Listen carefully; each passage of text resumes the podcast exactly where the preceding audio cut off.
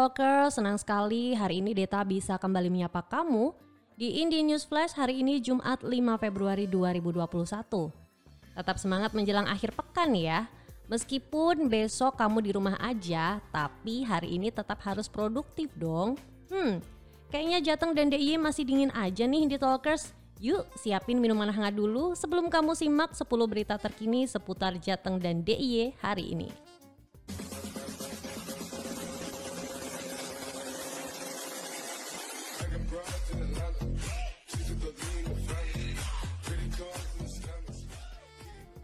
Berita pertama, Jembatan perbatasan Pekalongan Pemalangan ambles, lalu lintas Semarang Jakarta tersendat. Dikutip dari tribunjateng.com, jembatan Rembun yang berlokasi di perbatasan antara Kabupaten Pekalongan dan Kabupaten Pemalang ambles. Kejadian ini terjadi Kamis sekitar pukul 19.40 waktu Indonesia Barat. Jembatan yang ambles berada di sebelah selatan atau dari Semarang menuju Jakarta. Akibat kejadian ini, arus lalu lintas dijadikan kontraflow dua arah. Kontraflow lalu lintas dilakukan di jembatan sisi utara. Akibat kejadian ini, arus lalu lintas dari arah Semarang menuju Jakarta mengalami kemacetan sekitar 1 km, sedangkan dari arah sebaliknya atau dari Jakarta menuju Semarang tersendat 300 meter. Terpantau dari petugas kepolisian Polres Pemalang dan Polres Pekalongan melakukan pengaturan lalu lintas.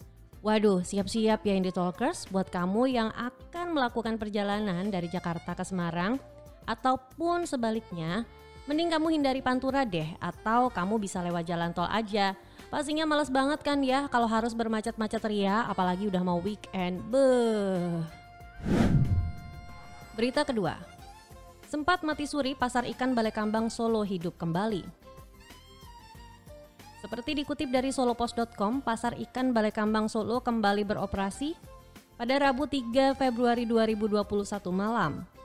Grosir pasar ikan resmi milik pemerintah kota Solo yang dikelola pihak swasta tersebut sempat mati suri.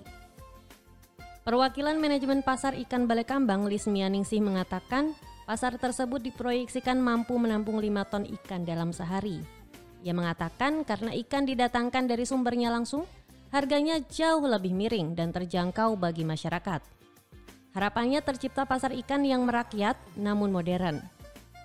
Perwakilan manajemen lain dari Pasar Ikan Balai Kambang Solo, David Rahadi mengatakan, dari 25 lapak yang tersedia, saat ini telah terisi 12 lapak. Sebagian didukung pedagang dari Pasar Ikan Nusukan dan beberapa pedagang dari luar kota Solo. Penataan yang modern diharapkan membuat Pasar Ikan Balai Kambang memiliki standar mutu yang sesuai syarat kesehatan, serta sanitasi yang memadai dan ramah lingkungan. Wah, buat indie talkers yang ada di daerah Solo Raya, asik nih kalau pengen cari ikan berkualitas dengan harga yang terjangkau, asal kamu jangan cari ikan cupang di sini ya. Berita ketiga. Sertifikat elektronik diyakini akan mempersulit mafia tanah. Seperti dikutip dari harianjogja.com, Kementerian Agraria dan Tata Ruang Badan Pertanahan Nasional menyatakan sertifikat tanah elektronik atau digital lebih aman dibandingkan dengan sertifikasi manual atau fisik. Kebijakan ini juga dipastikan mempersulit mafia tanah. Staf khusus Kementerian ATR BPN bidang kelembagaan Tengkur Taufikul Hadi mengatakan, sertifikat tanah yang telah ada dapat ditukarkan ke kantor Badan Pertanahan menjadi sertifikat elektronik. Taufikul Hadi menjelaskan ketika ada perubahan dari sertifikat manual menjadi sertifikat elektronik, masyarakat tak lagi memerlukan sertifikat manual. Alasannya adalah sertifikat manual tersebut sangat tidak aman, mudah hilang, mudah diambil orang, dan mudah digandakan. Menurutnya sertifikat digital ini sangat dibenci mafia tanah karena tidak bisa diperjualbelikan, ada dalam database dan tidak mudah untuk berpindah tangan. Taufikul Hadi menambahkan sertifikat elektronik ini telah dimulai secara bertahap di Jakarta dan Surabaya. Ia mengakui penerapannya tidak bisa dilakukan secara serentak. Sebelumnya Direktur Pengaturan Pendaftaran dan Ruang Kementerian ATR BPN Dwi Purnama mengatakan, sertifikat elektronik akan meningkatkan efisiensi pelayanan pertanahan dan kepastian durasi layanan serta penurunan biaya transaksi. Langkah ini juga mengurangi intensitas pertemuan dengan orang lain saat pandemi. Wih, kabar baik ya Handy Talkers. Jadi kamu nggak perlu khawatir lagi deh sama sertifikat tanah kamu bakal hilang atau digandakan orang tanpa pengetahuan kamu. Hmm, mungkin buat para mafia tanah, siap-siap cari pekerjaan lain ya. Berita keempat, Jateng di rumah saja, Pertamina layani pesan antar. Seperti dikutip dari jatengtoday.com, gerakan Jateng di rumah saja diperkirakan akan membuat sebagian besar wilayah di Provinsi Jawa Tengah sepi karena membatasi aktivitas masyarakat. Karena itu Pertamina telah mempersiapkan langkah untuk memastikan penyaluran BBM dan LPG sampai ke tangan konsumen. Selama pemberlakuan pengetatan pada hari Sabtu dan Minggu, 6 hingga 7 Februari 2021, Pertamina sebagai objek vital nasional dikecualikan untuk ditutup hanya saja Pertamina juga menambahkan penggunaan layanan pesan antar atau Pertamina Delivery Service. Konsumen dapat menghubungi kontak Pertamina di 135 untuk pemesanan. Wah, percaya nggak ini Talkers? Dulu Deta pernah berhayal juga loh soal BBM delivery ini. Lumayan nih solusi buat kamu yang mager dan males antri. Berita kelima, pohon tumbang dan atap terbang terjadi di beberapa titik kota Yogyakarta. Dikutip dari tribunjogja.com, hujan deras dan angin kencang yang melanda sejumlah titik di kota Yogyakarta pada Rabu 3 Februari 2021 sore hingga malam hari lalu menimbulkan sejumlah kejadian pohon tumbang serta atap rumah yang berterbangan. Kepala Pelaksana BPBD Kota Yogyakarta Nur Hidayat mengungkapkan, terdapat enam kejadian sekaligus yang terjadi sejak kisaran pukul 18 waktu Indonesia Barat. Enam kejadian tersebut meliputi pohon tumbang di Jalan Wahid Hashim, Jalan Hos Cokro Aminoto, Jalan Sultan Agung, serta Jalan Brigjen Katamso. Kemudian dua kejadian atap terbang di Ngampilan. Pihaknya pun lantas berkoordinasi dengan Forum Kampung Tangguh Bencana di wilayah tempat untuk bersama-sama melakukan penanganan kedaruratan, sehingga para penghuninya tetap merasa tenang. Setelah tiga uang, penanganan terhadap pohon tumbang juga langsung dilakukan BPBD Kota Yogyakarta Apalagi beberapa di antaranya diketahui sampai menutup akses jalan warga hingga menimpa kendaraan dan kabel listrik. Nah buat indie talkers yang ada di Jogja tetap hati-hati ya, apalagi di musim penghujan, jalanan licin, badai, eh tiba-tiba ada atap terbang, kan serem. Berita keenam, mayoritas pekerja Indonesia siap bekerja jarak jauh. Seperti dikutip dari harianjogja.com, Riset Dell Technologies mengungkapkan mayoritas tenaga kerja di Indonesia siap bekerja jarak jauh dalam jangka panjang. Riset Indeks Kesiapan Bekerja Jarak Jauh atau Remote Work Readiness Index mewawancarai 1030 pekerja Indonesia yang berusia 18 tahun ke atas. Martin Wibisono, Direktur Komersial Klien Dell Technologies Indonesia dan Filipina, 8 dari 10 pekerja di Indonesia merasa siap untuk bekerja jarak jauh dalam jangka panjang. Ia menyebutkan responden merasa perusahaan perlu menyediakan lebih banyak sumber daya untuk mendukung produktivitas mereka. Secara umum ia mengatakan 55% pekerja Indonesia merasa perusahaan tempat mereka bekerja mendukung cara bekerja jarak jauh dalam jangka panjang. Tantangan teknologi terbesar yang 41% dari mereka rasakan adalah stabilitas jaringan remote termasuk bandwidth internet – Sebanyak 32% dari mereka juga sering kali masih harus menggunakan perangkat pribadi untuk bekerja. Nah, Handy Talkers, udah pada siap bekerja di rumah belum? Jangan lupa siapkan jaringan internet yang stabil ya buat mendukung pekerjaan kamu. Berita ketujuh.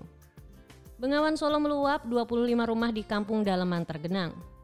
Seperti dikutip dari suaramereka.com, Hujan yang mengguyur kawasan Solo dan sekitarnya pada Rabu 3 Februari siang hingga malam menyebabkan air Bengawan Solo meluap. Sebanyak 25 bangunan di kampung dalaman RT 7 RW 6 Dusun Banaran Desa Ngringo, Kecamatan Jaten terendam luapan air dari sungai terpanjang di Pulau Jawa tersebut. Kadus Banaran Guntoro mengatakan pihaknya telah berkoordinasi dengan BPBD Karanganyar untuk memberikan bantuan logistik bagi warga terdampak banjir. Pihaknya juga berkoordinasi dengan Dinas Kesehatan untuk mengecek kondisi kesehatan warga.